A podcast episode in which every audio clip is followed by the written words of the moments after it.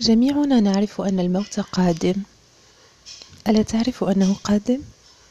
ألا تعلم أنه سوف يأتي في يوم ما؟ وسوف تنظر إلى الوراء على أنواع الأشياء التي استرعت انتباهك وستقول ما الذي كنت أفعله؟ إذا كنت مثل معظم الناس تقضي معظم وقتك في الحياة ضمنيا على افتراض أنك ستعيش إلى الأبد نعم كلنا نفترض ذلك إذا كنت تفترض أنك ستعيش إلى الأبد ومشاهدة فيلم سيء للمرة الرابعة أو التشاجر مع صديقك أو زوجك أو زوجتك هذه الأمور ليس لها معنى إلا في ضوء الخلود. الخالدون فقط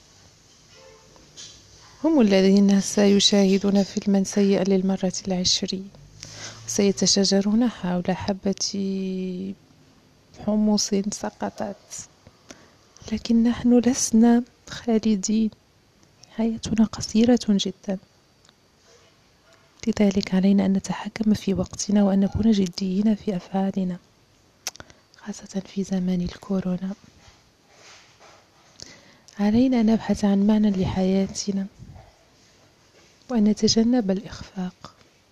بالمناسبة تعرف من هم الأشخاص الأكثر إخفاقا في العالم؟ دعني أخبرك. إنهم الأطفال المدللون. الأطفال الذين أعطوا كل شيء إنهم الأشخاص الأكثر إخفاقا الذين ستقابلهم في حياتك.